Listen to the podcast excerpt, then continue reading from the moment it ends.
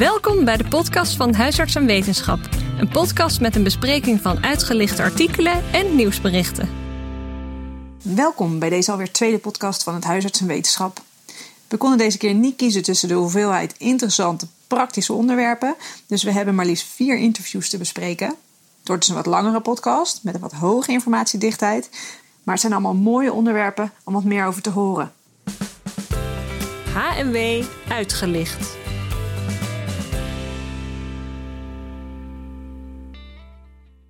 Antidepressiva in de dagelijkse praktijk. Ik zit hier samen met Laura de Wit. Zij heeft dit artikel geschreven samen met name met eh, Christian Vinkers, maar ook met Artjan Beekman, Otto Maarsing en Henriette van der Horst. We gaan het hebben over bepaalde vraagstukken die uh, het gebruik van antidepressiva opleveren voor de huisarts. Nou, welkom Laura. Dankjewel. In ieder geval, uh, ik meer welkom bij jou. ik zit bij jou op, uh, op je afdeling. Komen we eigenlijk als eerste bij überhaupt de vraag: wanneer kies je nou voor een antidepressivum? Dat is vraag 1. Ja, en um, nou ja, of dat een, een, een, goede toevoeging is, dat hangt vooral af van de ernst en de duur van de depressie. Um, eigenlijk moet je steeds samen met je patiënt afwegen um, wat de minst ingrijpende en toch effectieve interventie is. En altijd gaat het uiteindelijk om wat de doorslag geeft, is de voorkeur van de patiënt. Het begint natuurlijk altijd eerst met goede voorlichting, dagstructurering, eventueel kortdurende psychologische behandeling. Um, maar uiteindelijk kan je ook kiezen voor psychotherapie of een antidepressivum. Antidepressiva werken heel goed bij ernstige depressies, heel waarschijnlijk bij matige depressies, maar er is discussie over de effectiviteit bij lichtere depressies. Er zijn verschillende verklaringen voor die we in het artikel verder toelichten. Maar uit verschillende onderzoeken blijkt uh, eigenlijk uiteindelijk dat ook antidepressiva bij persisterende depressies, lichtere depressies, goed werken. Um, het ding is alleen dat de helft van de patiënten met een lichte depressie ook binnen drie maanden spontaan herstellen. Dus daarom ligt het gebruik van antidepressiva bij een lichte depressie niet zo voor de hand.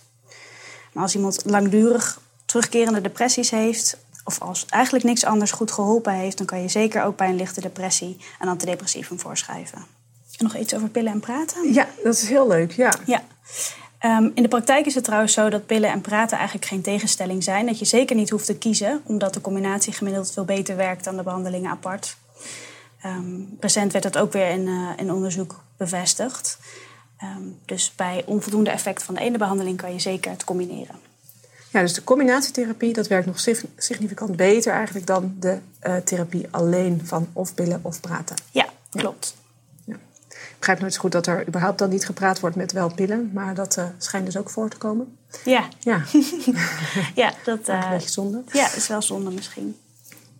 Misschien nog wel goed om te weten dat die, uh, de bedenktijd van de keuze van de behandeling, dat je als je daar dus de patiënt in meeneemt, dat, dat de therapie trouw vergroot. Dus dat je niet per se heel veel haast moet maken, maar dat, dat je iemand ook de tijd moet geven. Ja, ja, dus dat zou praktisch kunnen betekenen dat je het in één consult bespreekt met de patiënt en de volgende keer, dus iemand een week later laat terugkomen om dan de knoop door te hakken. Ja. Dat heeft veel meer zin dan het gelijk in één consult voorschrijven, receptje meegeven. En dan Ja. is de kans groter dat het niet wordt opgehaald Ja. en dat iemand uit beeld verdwijnt. Oké, dan gaan we naar vraag 2. Hoe lang duurt het voordat antidepressiva echt goed werken? Nou in de standaard staat dat um, na drie tot vier weken een antidepressief effect waarneembaar is. Um, maar dat is eigenlijk een behoorlijk demotiverende boodschap voor iemand die erg somber is en voor wie elke dag een worsteling is. Gelukkig is het wel zo dat je die uitleg wat kan nuanceren, omdat we eigenlijk zien dat antidepressiva al na um, één tot twee weken zeg maar, een responspatroon laten zien. Dat is dan nog niet significant, maar je ziet wel degelijk al verschil ten opzichte van placebo. Um, je zou dus aan een patiënt kunnen uitleggen dat, dat hij zelfs al na één of twee weken misschien kleine lichte verbeteringen zou kunnen merken. Zoiets als een iets betere concentratie of piekeren dat iets minder wordt. Dat is iets wat misschien kan helpen in de uitleg, omdat vier weken gewoon erg lang is soms. Ja. Wat mij wel verbaast is dat je na vier weken non-respons, dat er dan al gewisseld kan worden. Ja. Sterker nog, bij een gedeeltelijke respons ook bij zes weken. Klopt, ja. Dat staat ook echt wel zo in de richtlijn. Dat je na vier weken, als er geen enkele verbetering te zien is... dat is wel moeilijk om vast te stellen, nul verbetering. Maar als dat echt zo is, als iemand dat zegt, als de omgeving dat zegt... dan is het echt wel aangewezen om dan al te wisselen. Omdat de kans dat iemand vervolgens dan nog op het middel reageert heel klein is. Als er enige respons is, dan is het aan te raden om nog nou, dan kan je nog wat langer wachten, vier tot zes weken extra. Ehm, maar inderdaad is de boodschap dat je zeker niet te lang moet doorgaan als er geen effect is. Ja. Vraag 3. Is het zinvol om de dosering gedurende de behandeling op te hogen? Nou, onze richtlijnen die adviseren om te starten met de minimaal effectieve dosering, want dan verklein je het risico op bijwerkingen. Ehm, trouwens is het ook niet zo, uh, wordt het ook zeker niet aangeraden om standaard benzodiazepines te starten bij het starten van een antidepressivum. Het kan soms wel helpen, maar ik zou het niet standaard doen. Um, en eigenlijk is het niet zinvol om als na vier tot zes weken nog geen enkele respons is, om dan de dosering op te hogen. Dus eigenlijk start je met de minimaal effectieve dosering en blijf je daar ook op, tenzij er um, een partiële respons is. Dan merk je dat iemand een klein beetje opknapt, maar nog net niet genoeg. In die, van die groep weten we dat het soms heel zinvol kan zijn om de dosering wel te verhogen. Ja, dus als het helemaal geen effect heeft, heeft ophogen geen zin. Klopt. Dan heb je nog de dosering van de TCA's, van de tricyclisch antidepressiva. Um, hoe, uh, dat doe je met de plasmaspiegel? Ja, ja tricyclische antidepressiva doseren wij in de psychiatrie eigenlijk altijd op geleide van de plasmaspiegel, omdat er een relatie is tussen de klinische effectiviteit en de spiegel. Dat is anders dan uh, bij de SSRI's. Um, opvallend is dat de NG-standaard eigenlijk adviseert om pas bij onvoldoende effect, effect na vier tot zes weken de plasmaspiegelbepaling te doen. Dat is dus nou ja, een verschil tussen de huisartspraktijk en de psychiatrie. Maar we weten wel dat de effectiviteit van nortriptyline um, ook weer afneemt bij te hoge spiegels. En dus ook bij te lage spiegels. Dus dat er echt wel een meerwaarde heeft van de plasmaspiegelcontroles. Dat is dus in ieder geval zo voor nortriptyline, maar waarschijnlijk ook voor clomipramine en amitriptyline. Ja. En vraag 4. Wanneer wissel je van een antidepressivum? voor zover wij weten is eigenlijk niet systematisch onderzocht hoe snel je een volgende stap moet nemen. Maar als er na vier weken geen enkele verbetering is, zou het dus in principe wel aangewezen zijn om van antidepressivum te wisselen. Zeker is ook dat eigenlijk aangeraden of ontraden wordt om antidepressiva langer dan zes weken door te gebruiken als er geen effect is. In die gevallen is het natuurlijk wel altijd zo dat je moet nagaan of de diagnose wel knopt, of er nog andere instandhoudende factoren zijn, Ehm, en of de medicatie eigenlijk wel volgens voorschrift wordt ingenomen. Ja, helder. En uh, als je dan wisselt van een antidepressivum, dat is vraag 5. En we gaan tot en met de 10. Dat is misschien nog wel goed om te weten voor de luisteraar.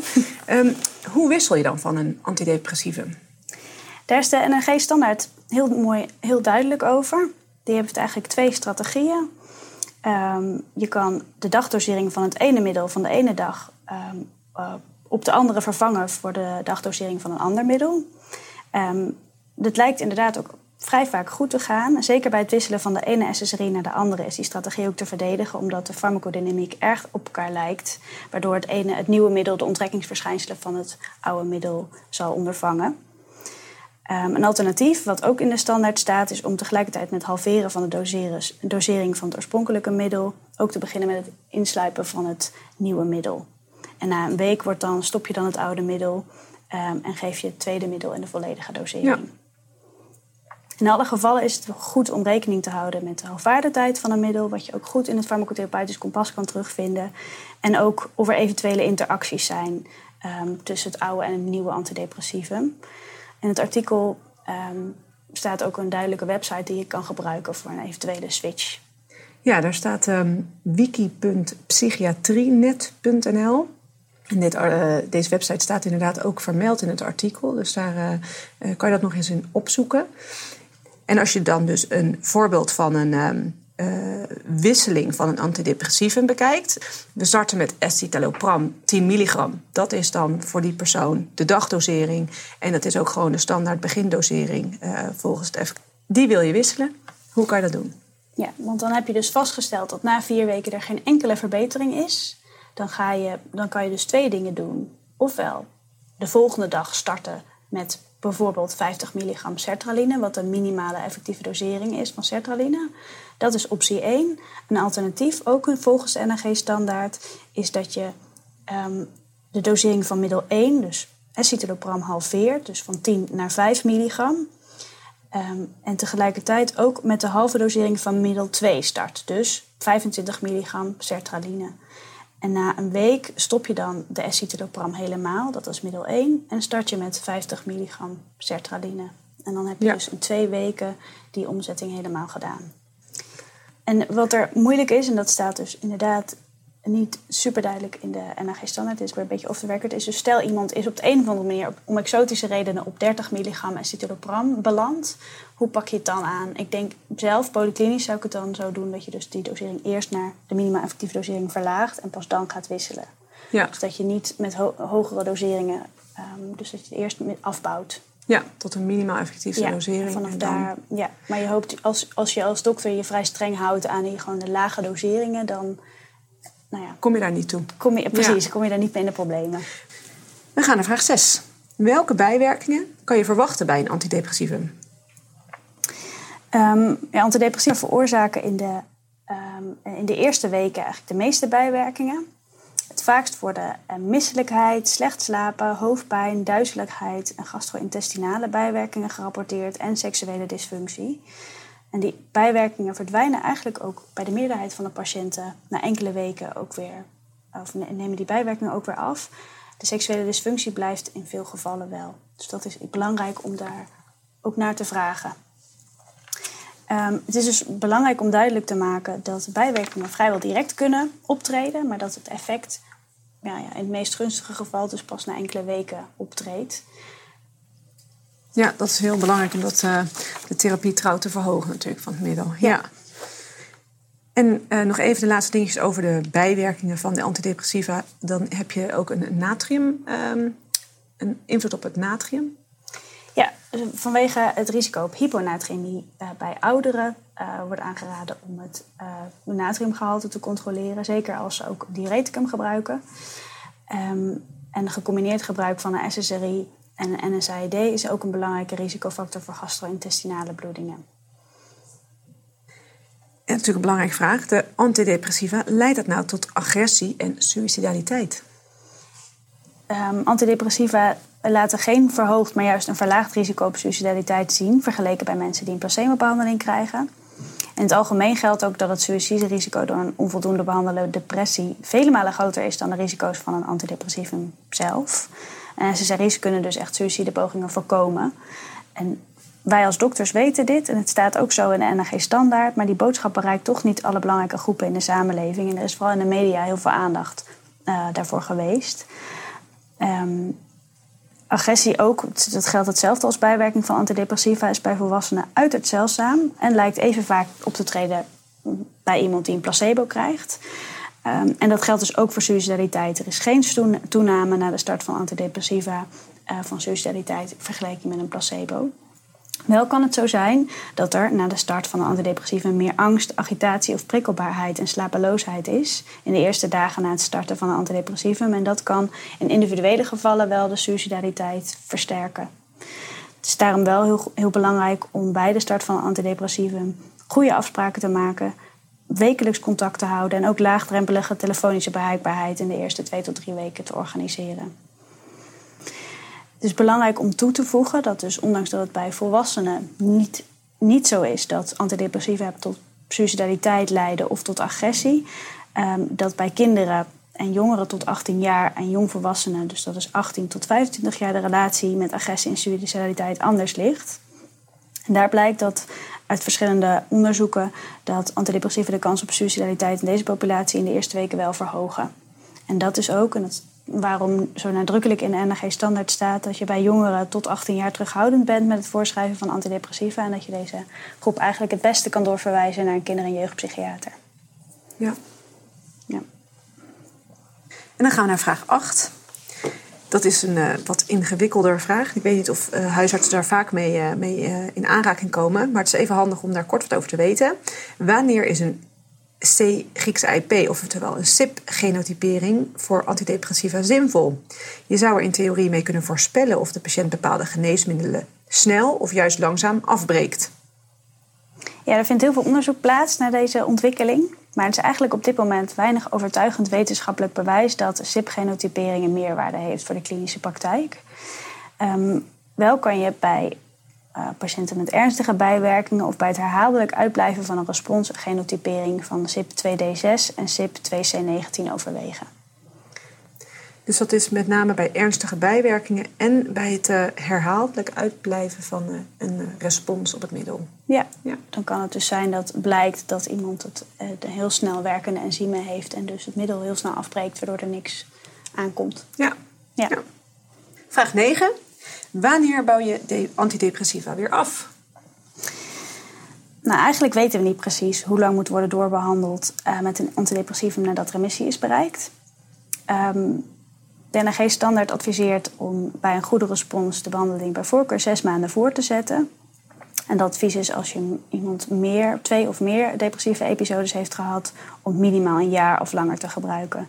Waarbij je de dosering waarbij iemand opknapte handhaaft en dus niet ook gaat afbouwen. Ehm, het is dus zo dat de aanbevelingen die we geven, dat er eigenlijk weinig wetenschappelijke onderbouwing voor is. Maar dat er wel binnenkort um, een Nederlands opera-project gaat starten waar naar deze vraag onderzoek wordt gedaan. Dus hm. hopelijk krijgen we dan een beter gefundeerd antwoord. Dan zijn we bij de laatste vraag.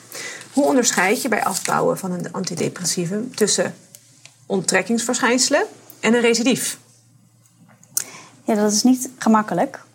Um, patiënten, als patiënten langer dan zes weken een antidepressivum hebben gebruikt, dan kan bij het staken ervan kunnen onttrekkingsverschijnselen optreden. Vooral als je dat als plotseling wordt gestaakt um, of als de dosis snel wordt verlaagd. Even tussen haakjes betekent dit natuurlijk niet dat antidepressiva verslavend zijn, want er is geen tolerantie of dwangmatig of overmatig gebruik. Um, de meeste onttrekkingsverschijnselen die ontstaan uh, binnen 1 tot 4 dagen na de verlaging. Dat trouwens wel uh, afhangt uh, van de halfwaardetijd van het antidepressivum. En die symptomen verdwijnen ook na enkele dagen tot weken weer. Terwijl een recidieve depressie zou je wat later ook nog kunnen verwachten. Dus de tijd, de tijd waarin de klachten optreden is een, een indicatie. Um, ook kan het helpen om als iemand dit soort verschijnselen heeft, um, de dosering weer even iets terug te verhogen. Als je ziet dat dan die klachten heel snel weer verdwijnen binnen enkele dagen, dan is het ook waarschijnlijker dat het onttrekkingsverschijnselen waren. En in dat geval kan je vervolgens iets langzamer weer gaan afbouwen. Wat een handig ezelsbruggetje is om onttrekkingsverschijnselen te onthouden, is het Engelse acroniem FINISH. En dat staat voor flu-like symptoms, dus griepachtige verschijnselen, insomnia, nausea, imbalance, sensory disturbances en hyperarousal. Um, dus dat zijn de onttrekkingsverschijnselen die bij eigenlijk nou ja, bij antidepressiva, maar overigens ook bij andere uh, middelen zouden kunnen optreden. We weten overigens dat antidepressiva met een korte halfwaardetijd, zoals paroxetine en venlafaxine, meer onttrekkingsverschijnselen geven. Um, dus dat zijn ook middelen waarbij je extra moet opletten als je dat samen met iemand gaat afbouwen. Dat zijn paroxetine en venlafaxine. Venlafaxine. Korte halfwaardetijd, dus meer onttrekkingsverschijnselen. Ja, dan heeft je lichaam het dus ook heel snel al... Is het, mist het het al, is het heel snel alweer afgebroken. En dan heb je dus heel snel dat je lichaam merkt dat het verdwenen is. Hm. En uh, in het artikel staat een, uh, een tabel, tabel 2... Um, dat vat de adviezen samen over, bij het afbouwen van een antidepressivum. Dus dat is uh, eigenlijk een handige tabel om erbij te pakken op het moment dat je wil afbouwen. Heb je er dan nog iets aan toe te voegen uit die tabel um, aan wat je net verteld hebt? Ik denk dat het goed is om echt duidelijk met de patiënt af te spreken uh, wanneer je gaat evalueren of een antidepressivum wel of niet gestopt gaat worden. Het zijn soms ook goede redenen om antidepressiva over een langere periode te gebruiken. Stoppen is echt maatwerk en niet een verplichte stap. Um, buiten deze tien al zeer interessante vragen, um, komt bij mijzelf een vraag uh, boven. die, ik ga even van dit moment gewoon gebruik maken. Je hebt het over het afbouwen van bepaalde middelen, bijvoorbeeld een escitalopram van 10 milligram naar minder. Um, nou, zijn de tabletvorm, dat gaat vanaf 10 milligram volgens mij. hoe ga je dat dan afbouwen? Er zijn van bepaalde middelen zijn er druppelpreparaten, van andere niet. Uh, hoe pak je dat nou aan? Ja, gelukkig zijn van de meeste, meest gebruikte middelen, in mijn geval is het escitalopram en sertraline, zijn ook druppelvormen beschikbaar. En dan kan je dus heel makkelijk de stapjes zoals in NHG-standaard worden geadviseerd volgen. Um, dus van de meeste zijn er wel druppelpreparaten beschikbaar, maar van een enkeling niet. Dan is het een optie om taperingstrips te laten maken. Een alternatief, wat ook genoemd wordt, is een omzetting naar fluoxetine. Dat is een middel met een ontzettend lange halfwaardetijd, waardoor het middel zichzelf eigenlijk afbouwt. Maar die stap, die switch is eigenlijk niet wetenschappelijk onderzocht. je noemt nog even taperingstrips. Dat is via de apotheek. Dan wordt er gewoon in elke pil elke keer een stukje minder gedaan. Klopt. Dat is misschien een soort van prijzig gebeuren voor zo'n uh, apotheker. Uh, en dat, uh, hoe zit het met de vergoeding? Ja, dat is ik denk een hele mooie methode om dus um, eigenlijk alle medicatie netjes af te bouwen. Maar ook omdat dat dus niet wetenschappelijk onderzocht is nog, dat dat beter is dan het geleidelijk zelf met pillen afbreken eh, te doen, wordt dat nog niet altijd vergoed. Maar ja. hopelijk verandert dat binnenkort. Ja. ja. Oké, okay. nou hartelijk dank voor deze prachtige uiteenzetting van al die uh, belangrijke vragen. Ik denk dat we er allemaal heel veel aan hebben. En uh, nou, tot misschien de volgende podcast ja, een keer. Graag gedaan, tot... ik vond het echt leuk. Nou, nou, mooi. Tot ziens.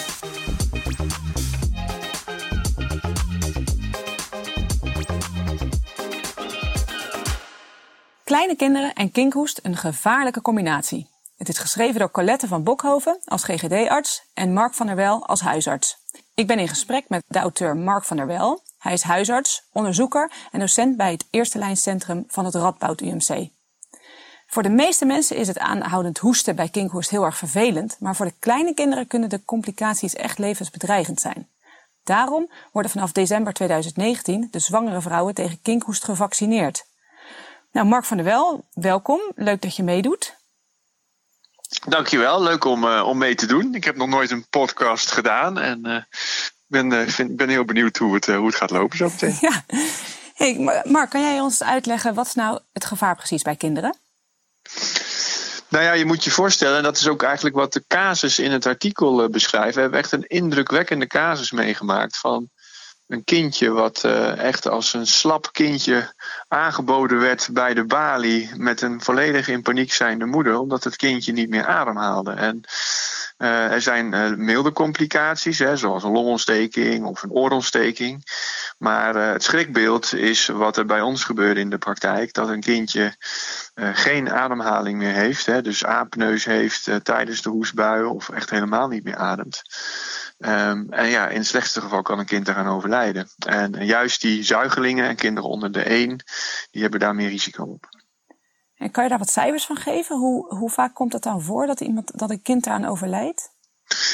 Ja, dat is natuurlijk toch nog wel heel zelden. En um, het, het, is in ieder geval zo dat je onderscheid moet maken, denk ik, tussen wat er gemeld wordt en wat er werkelijk in de open populatie aan kinkhoest voorkomt. Hè. Er zit een groot verschil. Hè. Er is veel onderdiagnostiek, denk ik, van kinkhoest. En meestal is dat ook wel oké, okay, want bij oudere kinderen treden die hele ernstige complicaties eigenlijk niet meer uh, op. Mm-hmm. En dan heb je milder beloop door de vaccinaties. Maar al met al zie je uh, qua meldingen dat er uh, bij kinderen onder de 1, 1 à 2 per duizend kinderen kinkhoest hebben. Um, in werkelijkheid zal dat een onderschatting zijn en wordt er geschat dat het bij kinderen onder de 5, 4 per duizend per jaar zijn. Um, en er zijn natuurlijk maar slechts een heel weinig kinderen gelukkig die eraan sterven. En uh, volgens mij was het 2016 of 2017, toen waren er zes uh, kinderen die stierven aan, uh, aan kinkhoest, waarvan drie kinderen ook geen vaccinatie hadden. Ja, ja oké. Okay. En als je nou kijkt naar, dit zijn echte levensbedreigende momenten voor een zuigeling door kinkhoest. maar hoe kan je kinkhoest nou herkennen ten opzichte van normale hoesten? Ja, daar zit ook de crux en daar zit ook wel het probleem. En dat is ook wel in het artikel uh, beschreven. Er zijn veel dokters betrokken geweest bij de casus. Uh, omdat de kinkhoest begon bij de moeder. En daar is uh, door geen van de dokters gedacht aan kinkhoest in die eerste weken van het hoesten. Um, dus dat herkennen, dat, dat lukt eigenlijk pas goed klinisch op het moment dat je in een stadium komt waarbij er echt de kinkende hoest is. En dat zijn echte expiratoire hoeststoten met een piepende of gierende ademhaling. Uh, bij het artikel hebben we ook heel bewust twee linkjes naar YouTube-filmpjes geplaatst, zodat uh, je ook gewoon eens even kunt zien hoe dat eruit ziet als dokter. Dat is denk ik fijn. Uh, ik had het zelf eigenlijk nooit in, al, in die heftigheid gezien zoals je het op die filmpjes ziet. Maar dan moet je er natuurlijk aan denken. Maar vaak ben je dan al een paar weken onderweg.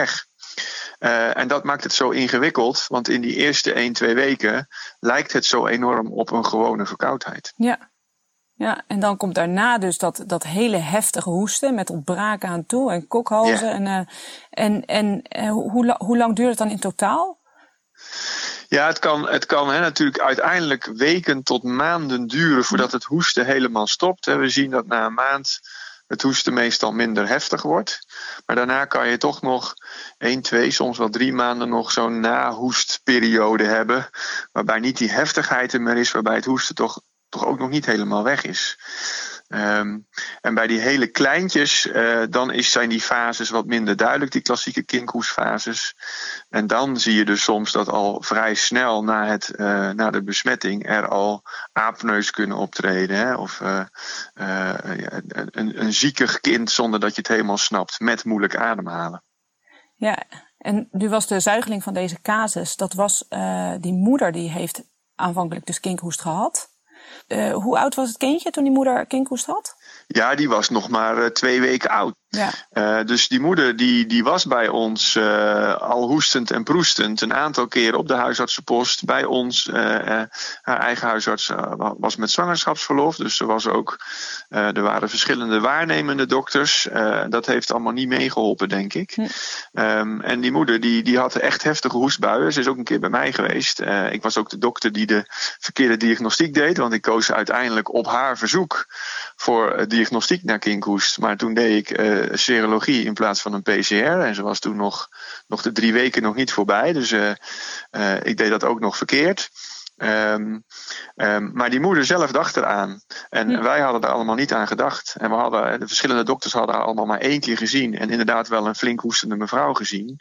Maar toch ook niet helemaal klassiek met die hoeststoten. Ja, ja. Uh, maar wel met de neiging tot kokhalzen of braken, wat ze ons vertelde. Maar dat zagen we dan weer niet in de spreekkamer. ja, ja. En toen had ze al dat jonge kindje. En toen had ze al het jonge kindje, wat natuurlijk nog niet gevaccineerd was. Ja. Zij had ook nog niet een vaccinatie, omdat dat nog niet was uh, uh, zo, afgesproken, zoals Ja. dat nu komt. Um, en, uh, en dat jonge kindje, dat, dat werd ziek. En uh, toen zij eigenlijk de diagnose kreeg, hè, de, die serologie was twijfelachtig. En toen gingen we er toch een beetje over, zou dat dan zijn? En eigenlijk in die ochtend van die serologie kwam ook uh, zij aan de balie met een, met een slap kind. Ja, ja. Super heftig. En dan gaat het ineens wel rollen. Nou ja, eigenlijk is daarmee, eh, dat kind is natuurlijk met spoed opgenomen met alle toeters en bellen die nodig waren om, om dat kind te redden. Nou, dat is gelukkig allemaal gelukkig goed afgelopen. En toen zijn er natuurlijk nog nadere diagnostische handelingen verricht bij het kind en bij Ja. de moeder. En toen werd die diagnostiek van kinkhoest bevestigd. Ja. Ja, dat is echt een heftige casus om dat zo, uh, zo aan te tonen. En je, je zegt al over, die, uh, over de PCR-serologie, dat Mhm. je dus onder de drie weken serologie nog, uh, nog niet gebruikt wordt. Pas na de drie weken wordt die pas positief, vaak. En de PCR wordt onder de drie weken gebruikt. ja, precies. En bij de kinderen uh, daaraan toegevoegd onder de één jaar altijd een PCR. Maar ja, Ja. dat is dus bij jouw kaas natuurlijk ook. Wanneer zet je dat nou in? Ja, exact. Ja, ja en, dan, en dan, hè, dan is de standaard, die zegt daar gelukkig wel, hè, de standaard acuut hoesten, die zegt daar wel, wel, wel iets over. Hè, dus die, die adviseert uh, om in ieder geval bij uh, onvolledig gevaccineerde kinderen, dus dat zijn vaak de kinderen onder de negen maanden, um, en ook bij uh, de zuigelingen, maar ook bij de zwangere vrouwen.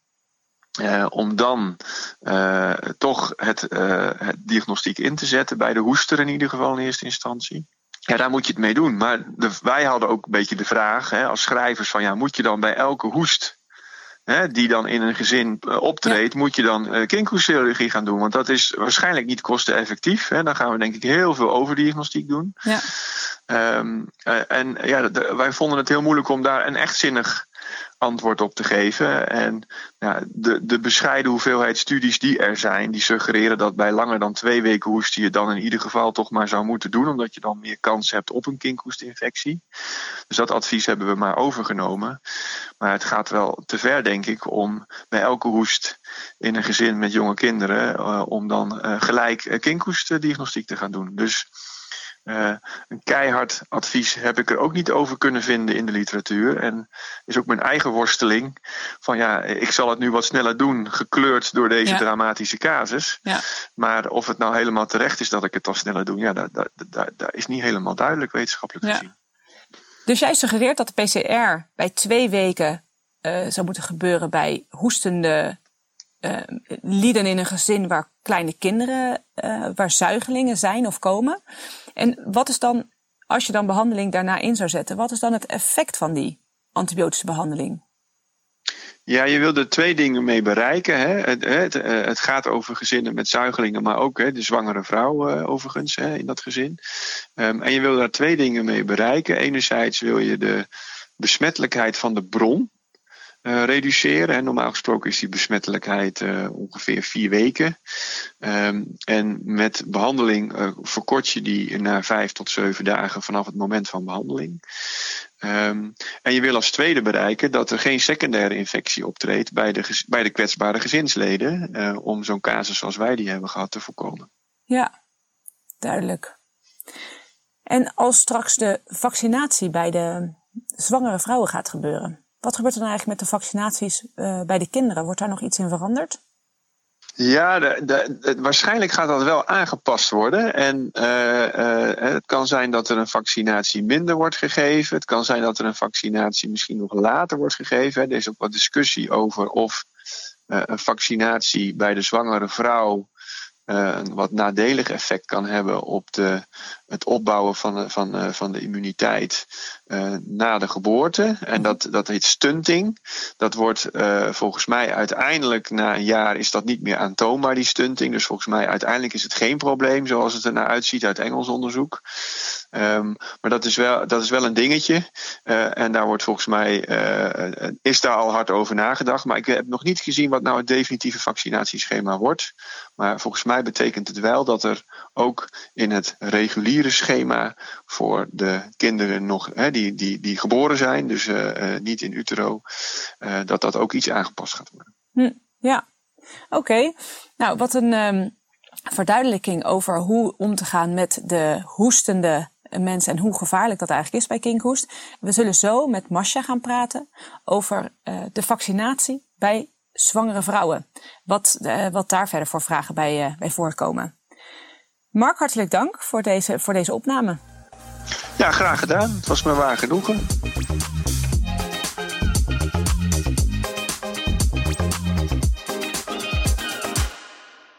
Nadat de podcast geëindigd was, hadden Mark en ik het nog even over wat het doel nou eigenlijk is van zo'n podcast. Is het een soort van aanvulling op het bestaande artikel met verwijzingen naar het artikel, zodat je allebei het ene leest, het ander luistert? Of is het meer een soort van vervanger, waarbij je dus in de podcast eigenlijk alles moet weergeven, inclusief alle benodigde feiten? Maar ja, hoe erg blijft dat hangen, die feiten, als je een podcast luistert in de auto, waarbij je ook op de weg moet letten? Ik ben heel benieuwd wat jullie daarvan vinden als luisteraars. Ja, kan je reactie over mailen naar redactie.nag.nl of ook op huisartspodcast.nl. We gaan nu naar Marcia Loogman, huisarts en wetenschappelijk medewerker van de afdeling Richtlijnontwikkeling en Wetenschap van het NHG.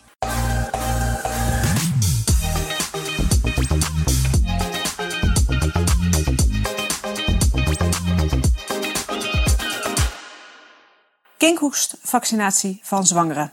Wat is de aanloop naar deze vaccinatie toe? Uh, nou, het was ons helder dat wij in Nederland nog uh, zo'n 170 kinderen per jaar hebben die worden opgenomen voor kinkhoest. Dus de meerwaarde van vaccineren in de zwangerschap was ons duidelijk. Alleen er is wel een periode overheen gegaan om helder te krijgen wie dit vaccin nou zou gaan geven. En heeft uiteindelijk besloten dat dit zal worden gedaan door de jeugdgezondheidszorg. Dus de zwangere vrouw die gaat naar de jeugdgezondheidszorg voor de vaccinatie? Ja, dat klopt. Die gaan dit uh, programma uitvoeren. Ja. Dat is natuurlijk wel een beetje, beetje een vreemde eend in de bijt.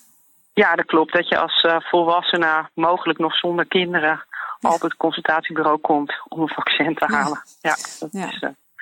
Goed, dan gaan we naar de verdere vraag van de, over het vaccin.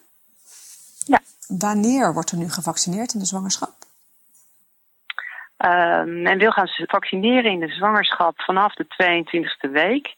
En eigenlijk zo snel mogelijk daarna. Uh, zodat uh, ook te vroeg geboren kinderen kunnen profiteren van de overdracht van antistoffen. Mm-hmm. Het duurt namelijk minimaal twee weken voordat er voldoende antistoffen zijn aangemaakt en overgebracht naar het kind. Ehm, en dat is dus de reden waarom men heeft gekozen voor 22 weken. Ja. En nou schijnt het nogal snel af te nemen, die uh, antistoffen. Dus dan moet je bij elke zwangerschap weer laten vaccineren. Dat klopt. Het advies is om bij elke zwangerschap opnieuw uh, te vaccineren tegen kinkhoest. En daarnaast is het misschien goed om te weten dat als het een meerlingzwangerschap betreft, dat dan één vaccinatie voldoende is. Wie vertelt hierover, over deze vaccinatie aan de zwangere? Tijdens de zwangerschap uh, wordt de zwangere vrouw door de uh, verloskundige geïnformeerd over deze vaccinatie. En krijgen zij een envelop met een informatiefolder en een uitnodigingsbrief. En zij moeten zelf de afspraak maken bij de jeugdgezondheidszorg. dus ze gaan zelf ze benaderen zelf het consultatiebureau om ja. het vaccin te halen. En wat is dat vaccinatie? Ja, het is een combinatievaccin. Ja, dat gaat natuurlijk om de kinkhoest. Maar we hebben in Nederland geen vaccins met alleen uh, kinkhoestvaccin. Uh, dus het is een combinatievaccin met daarin ook difterie en tetanus. Uh, en dit vaccin is bijvoorbeeld in landen om ons heen, zoals in Engeland, uh, wordt dat al gegeven aan zwangeren. Dus we weten dat dat kan in de zwangerschap. Ja, zoals uh, de Verenigde Staten hoorde ik, de, uh, las ik, de Groot-Brittannië, Australië, België, Ierland, daar wordt het al gegeven. Ja. Sinds wat ik las rond 2011. Maar er, is, dan, is dan helemaal veilig gebleken? Is er geen enkel probleem? er zijn zoals altijd milde bijwerkingen van vaccins. En um, wat men ook heeft gezien, is dat er een, eh, in een heel klein uh, gedeelte van de gevallen een grotere kans was op een uh, chorioamnionitis. Maar dit bleek niet tot uh, ernstige complicaties te leiden, zoals de vroeggeboren kinderen. dus men zegt het vaccin is veilig. We zien daar geen, of, we zien daar geen grote problemen van. En wanneer wordt het, wordt het nu echt gestart? Het wordt ingevoerd half december. om precies te zijn op 16 december. en vanaf die tijd worden de zwangeren naar de JGZ verwezen. En de zwangeren die al wat verder in de zwangerschap zitten, die worden met voorrang behandeld. En uh, dan het kindje, als die geboren wordt, dan wordt die natuurlijk weer gevaccineerd voor de kinkhoest. Wat is het gevolg voor de baby, het vaccinatieschema van de baby? Het vaccinatieschema van de baby wordt als de zwangere vrouw tijdig is gevaccineerd, wordt dat aangepast. Want in het oude vaccinatieschema werden de kinderen bij 2, 3, 5 en 11 maanden gevaccineerd tegen DKTP, HIP en hepatitis B. Um, maar de vaccinatie van twee maanden vervalt. Uh, dus worden kinderen bij 3, 5 en 11 maanden daartegen gevaccineerd. Er lijken weinig gevolgen te zijn van het laten vervallen van het vaccin op twee maanden oud. Um, sowieso is voor uh, difterie en polio uh, heerst natuurlijk amper in Nederland. Um, maar je zou bijvoorbeeld verwachten dat je een toename ziet van uh, uh, infectieziekten door Haemophilus influenza B. Maar dat wordt wereldwijd eigenlijk niet gezien. Um, dus ja, we zien eigenlijk geen grote problemen van het laten vervallen van de vaccinatie bij twee maanden. Maar men heeft een aantal uitzonderingen geformuleerd. Waarbij uh, er toch volgens het oude schema wordt gevaccineerd. En die zijn? Als de moeder niet is gevaccineerd of te kort voor de bevalling is gevaccineerd. Uh, als de moeder hepatitis B-draagster is. Of als de moeder een ziekte heeft die je afweer onderdrukt. Of medicijnen gebruikt, immunosuppressiva. Ja, dan zal men terugvallen op het oude vaccinatieschema. We hebben het over de Haemophilus influenza B en de hepatitis B, omdat die natuurlijk tezamen met de vaccinatie van twee maanden wordt gegeven. Maar die komen dan ook te vervallen. Ja. En uh, zijn er nog redenen om een zwangere niet te vaccineren? Ja, er zijn uh, eigenlijk zoals altijd uh, contra-indicaties bij het geven van vaccinaties. en, voor dit vaccin is dat voornamelijk allergie voor bestanddelen uit het vaccin. En bij koorts wordt ook afgeraden om het vaccin op dat moment te geven. En de vaccinatie even uit te stellen. Half december gaat hij in, dus dan weten we in ieder geval allemaal wat vanaf. Dat klopt, ja. Hey, bedankt hè? Ja, dankjewel. Tot ziens, doeg. Dag.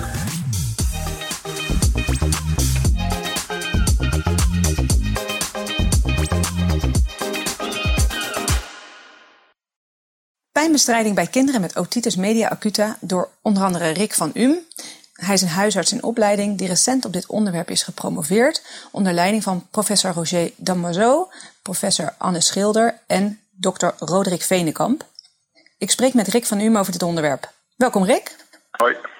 Nou, we weten allemaal, uh, met name als, uh, als ouders, hoe pijnlijk een middenoorontsteking kan zijn. En hoe het de nachten kan breken. En ook als huisarts ja, zie je die radeloze ouders in de spreekkamer. En hoe kan je hen nou toch het beste helpen? En uh, Rick, hoe kan jij ons nou vertellen hoe de huisartsen hier beter in kunnen helpen? Oftewel, wat is de reden van dit onderzoek? Ja, nou, we weten dat uh, paracetamol en ibuprofen belangrijke pijnstillers zijn die in de praktijk gewoon heel erg veel gebruikt worden. Uh, maar ook dat de adviezen van huisartsen niet altijd heel erg toegespitst zijn wat ouders precies moeten gebruiken. En ook al dat ouders terughoudend zijn in het geven van pijnstillers. En dit kan dan weer leiden dat de kinderen onnodig oorpijn houden.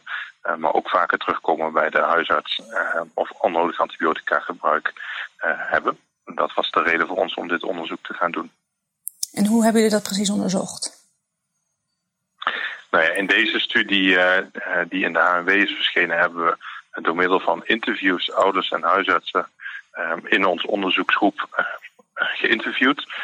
Aan de hand van een vragenlijst en gekeken van wat nou voor hun belangrijk is als het gaat om, om oorpijn.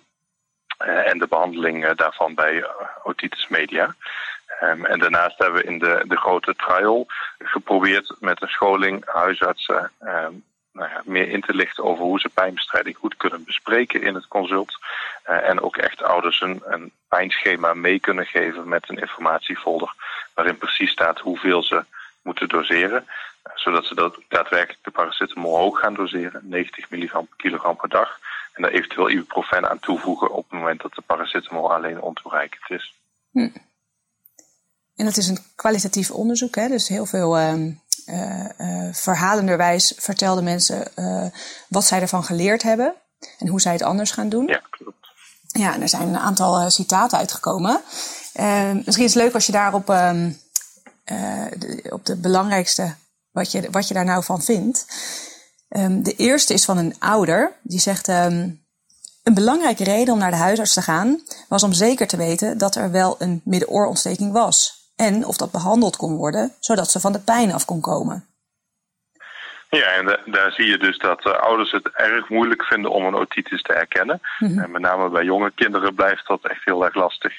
Uh, maar wat we uh, daaruit ook naar voren kwamen, dat juist ouders die ook de pijnstilling goed hadden gebruikt en goed effect zagen, toch ook nog wel zoiets hadden van nou, de volgende keer ga ik toch weer terug. Omdat ik in ieder geval zeker wil weten dat er een oorontsteking zit en dat ik dus het juiste ga behandelen. Uh, dus het feit dat we ze uh, goed behandelen wil niet zeggen dat ze de volgende keer niet terugkomen. Ja. Ja, want een, leuke, um, leuk citaat van een ouder, wat, um, wat daar wel mee te maken heeft, uh, zegt een ouder: Want ik had voorheen het idee dat pijnstilling niet genoeg zou zijn en dat ik daarom, als het te lang duurt, ook antibiotica erbij wilde. En nu merk ik wel dat alleen pijnstilling ook al goed gaat. Dat er verbetering is. Ja, en je, je, ziet dus dat ouders lang niet altijd uh, volledig op de hoogte zijn wat ze met pijnstilling kunnen bereiken. Uh, en het dus ook heel erg waarderen als huisartsen dat bespreken. Uh, terwijl we ook weten dat huisartsen vaak het idee hebben dat ouders, nou ja, dat, dat zij van ouders druk voelen om antibiotica voor te schrijven. Ja. maar dat hoeft dus lang niet altijd het geval te zijn als ze gewoon als ze goed uitleggen wat er aan andere opties is en hoe ze de symptomen die voor ouders belangrijk zijn goed kunnen behandelen. Ja, ja, want dan is er nog uh, één laatste citaat van een huisarts. Um, ik vraag nu, en dat is dus na de scholing die die huisartsen gehad hebben, zegt hij, ik vraag nu veel vaker hoe mensen het bestrijden. Dat je dus inderdaad vraagt, wat doe je nou? Hoe vaak geef je het en wat geef je dan? En doe je het wel of niet preventief? Ja, we kregen dus van de huisartsen die deel hadden genomen echt terug uh, dat ze nou ja, meer handvaten hadden om die pijnbestrijding ook echt goed uh, te bespreken uh, tijdens het consult. En dat met name het opstellen van zo'n pijnschema samen met de ouders hun daar heel erg in hielp. dat ze daadwerkelijk iets te bieden hadden aan ouders. Ja, ja, dus dat we het niet voor, voor lief nemen, dat ze het allemaal gewoon het pakje volgen en het toch wel aannemen dat ze het gebruiken, maar dat we ook echt explicieter dat gaan bespreken. Ja, klopt. Ja. Hey, en wat kunnen we nu um, uit het onderzoek concluderen? Uh, nou, ik denk dat het belangrijk is om te realiseren dat, uh, dat er een belangrijke rol is weggelegd voor huisartsen. Uh, met name om duidelijk uitleg te geven over pijnstilling. Um, en als ze dat dan dus ook doen en ook uitleggen waarom antibiotica op dit moment niet nodig zijn, dat ouders dat vaak ook heel goed accepteren. Um, en dat is anders dan de literatuur die we uit sommige landen kennen. Uh, en ook anders dan misschien tegen het gevoel van sommige huisartsen indruist. Um, wat ook nog wel grappig was, is om te zien dat eigenlijk het ibuprofengebruik heel nieuw was voor, uh, voor veel ouders, maar ook voor veel huisartsen. Um, maar om een kleine sneak preview te geven naar de, de trialresultaten die we nog niet gepubliceerd hebben, daar zien we eigenlijk dat er wel veel meer ibuprofen is gebruikt, maar dat dat geen uh, effect had op de pijnscores. Um, dus het is nog maar de vraag of het uh, zinnig is om de ibuprofen erbij te gaan geven bovenop de paracetamol. Ja.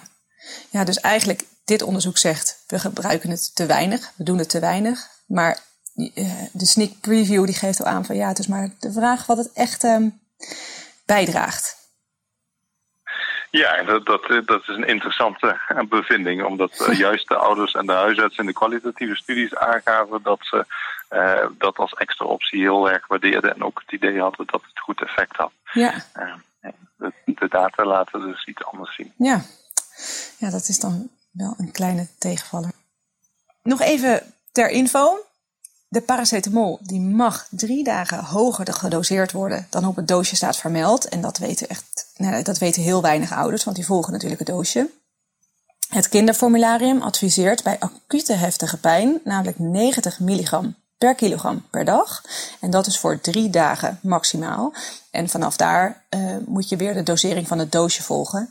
Uh, maar doorgaans ben je na die drie dagen ben je ook wel door de heftigste pijn van de middenoorontsteking heen. Nou, en wat dan de rol van ibuprofen hierin wordt, dat is dus nog wat onzeker. En dat, uh, ja, dat wordt vervolgd. Rick, hartelijk dank voor, voor deze verheldering. En misschien tot de volgende podcast over ibuprofen. Ja, graag gedaan. Dankjewel. Doeg.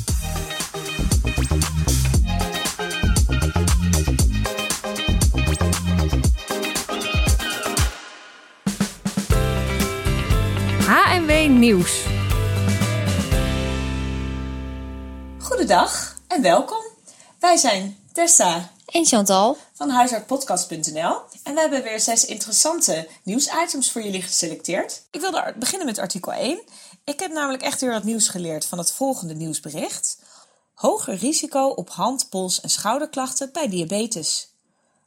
Hand, pols en schouderklachten zoals triggerfinger, contractuur van Dupuytren of het carpale tunnelsyndroom komen veel vaker voor bij patiënten met diabetes mellitus dan bij anderen. Daarnaast hebben deze aandoeningen vaker een ongunstig beloop, zeker als patiënten niet goed zijn ingesteld. Veel huisartsen zijn zich hier blijkbaar niet van bewust. Wist jij dit? Nee, eerlijk gezegd wist ik dit ook niet. En we zijn niet de enige. In het onderzoek werd aan 103 Nederlandse huisartsen gevraagd of bepaalde aandoeningen een complicatie van diabetes konden zijn.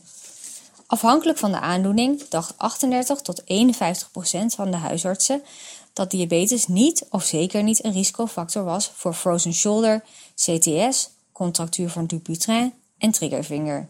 Grappig. Nou, goed om er vanaf nu bewust te zijn dat naast cardiovasculaire aandoeningen, chronische nierschade, neuropathie, diabetische voet, retinopathie, depressie, cognitieve stoornissen, seksuele dysfunctie, infecties, kanker, nu ook hand, pols en schouderklachten vaker voorkomen bij patiënten met diabetes. Nou, geen goede ziekte om te hebben. Nee. Wat ik een interessant nieuwsbericht vond, is over vitamine D-suppletie bij ouderen, dat het geen effect heeft op depressie en fysiek functioneren. Uit een Nederlands onderzoek blijkt dat vitamine D-suppletie gedurende een jaar geen effect heeft op deze klachten bij ouderen die een laag vitamine D-gehalte hebben. En aan het onderzoek deden zo'n 150 ouderen mee van 60 tot 80 jaar met depressieve symptomen en minstens één fysieke beperking, bijvoorbeeld moeite met lopen of met aankleden. En uiteraard een laag vitamine D. De helft kreeg driemaal daags 400 eenheden vitamine D en de andere helft placebo. Ondanks dat na een jaar het vitamine D-gehalte was gestegen in de interventiegroep, was er geen verschil tussen beide groepen qua depressieve klachten of qua fysieke prestatie. Vitamine D krijgt de laatste jaren veel positieve effecten toegedicht. Voor het verminderen van depressieve symptomen en slechte fysieke gesteldheid bij ouderen helpt het echter niet. Jammer, toch blijft het het ideale placebo-medicijn.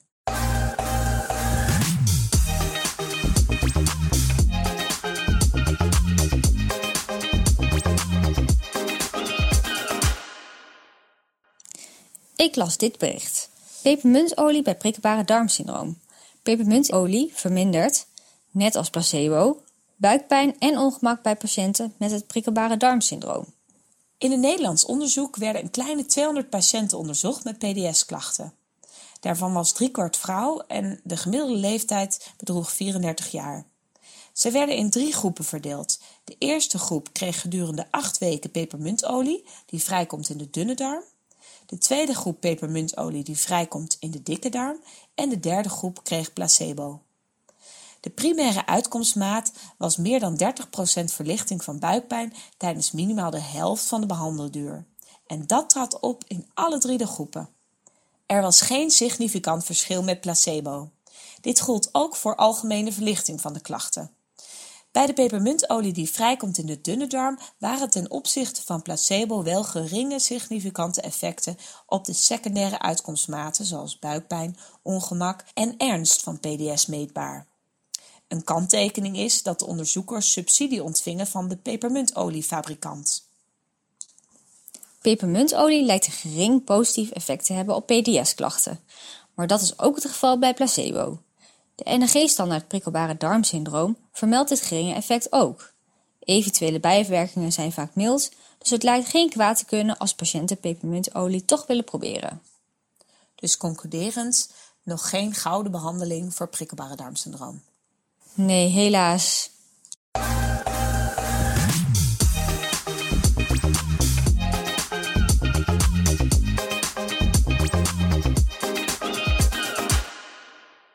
Het volgende artikel wat mij opviel: medicatie en lagere dosis voor vrouwen met hartfalen.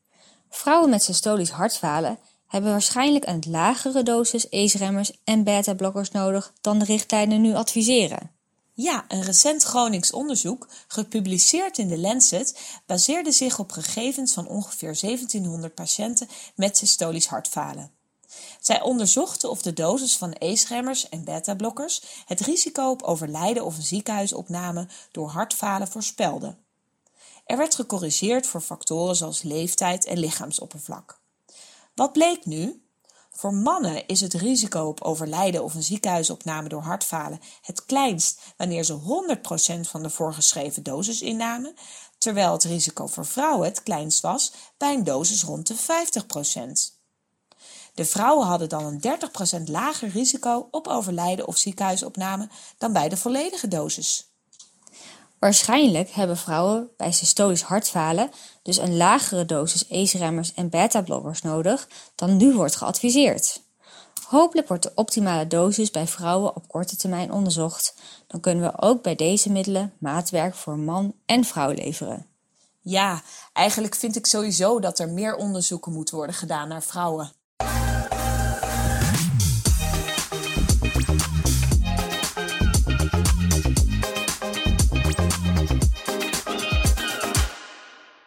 En wat dacht je van het volgende nieuwsbericht? Bepalen van BSE en CRP overbodig bij A-specifieke klachten.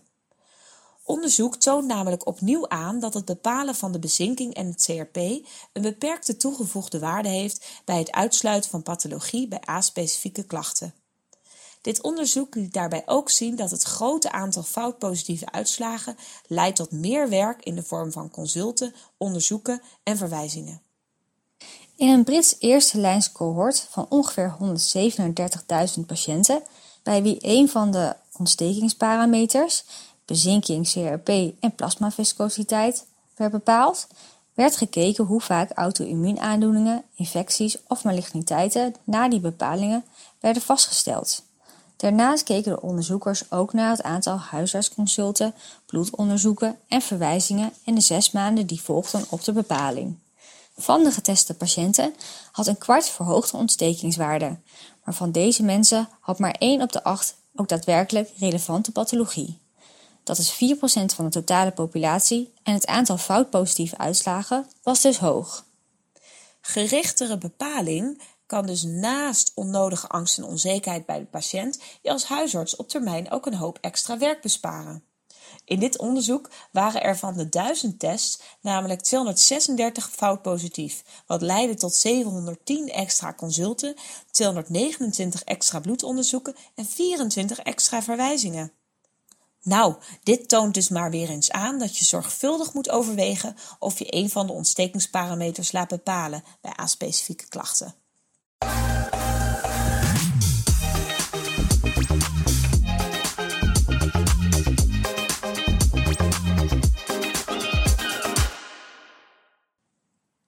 Als laatste nog een opvallend nieuwsbericht. Op weg naar het eeuwige leven.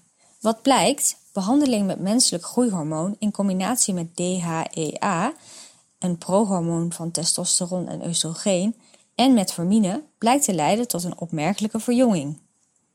Interessant. Amerikaanse onderzoekers gaven negen gezonde vrijwilligers gedurende een jaar deze combinatie van middelen: groeihormoon, inderdaad DHEA en metformine. Zij gingen uit van het idee dat het verdwijnen van de thymus te maken heeft met ouder worden. Het verdwijnen van de thymus gaat namelijk gepaard met achteruitgang van het immuunsysteem en daarmee krijg je een verhoogde vatbaarheid voor ziektes, waaronder maligniteiten op gevorderde leeftijd. Van groeihormoon is bekend dat het de thymus kan regenereren. DHEA en metformine werden gegeven om de diabetogene effecten van groeihormonen tegen te gaan. Naast toegenomen activiteit van het immuunsysteem was de opmerkelijkste bevinding dat de epigenetische leeftijd, blijkend uit de mate van DNA-methylering, na een jaar behandeling met 2,5 jaar terugliep. Een half jaar verder was er nog steeds anderhalf jaar verjonging over.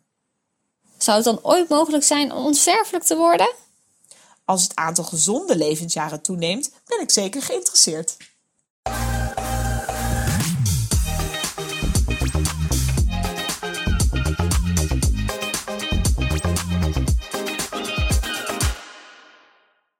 Dit was de HNW-podcast van december 2019. Deze podcast werd gemaakt door de samenwerking tussen huisartspodcast.nl en HNW. Wil je meer informatie? Kijk dan op hnw.org en op huisartspodcast.nl.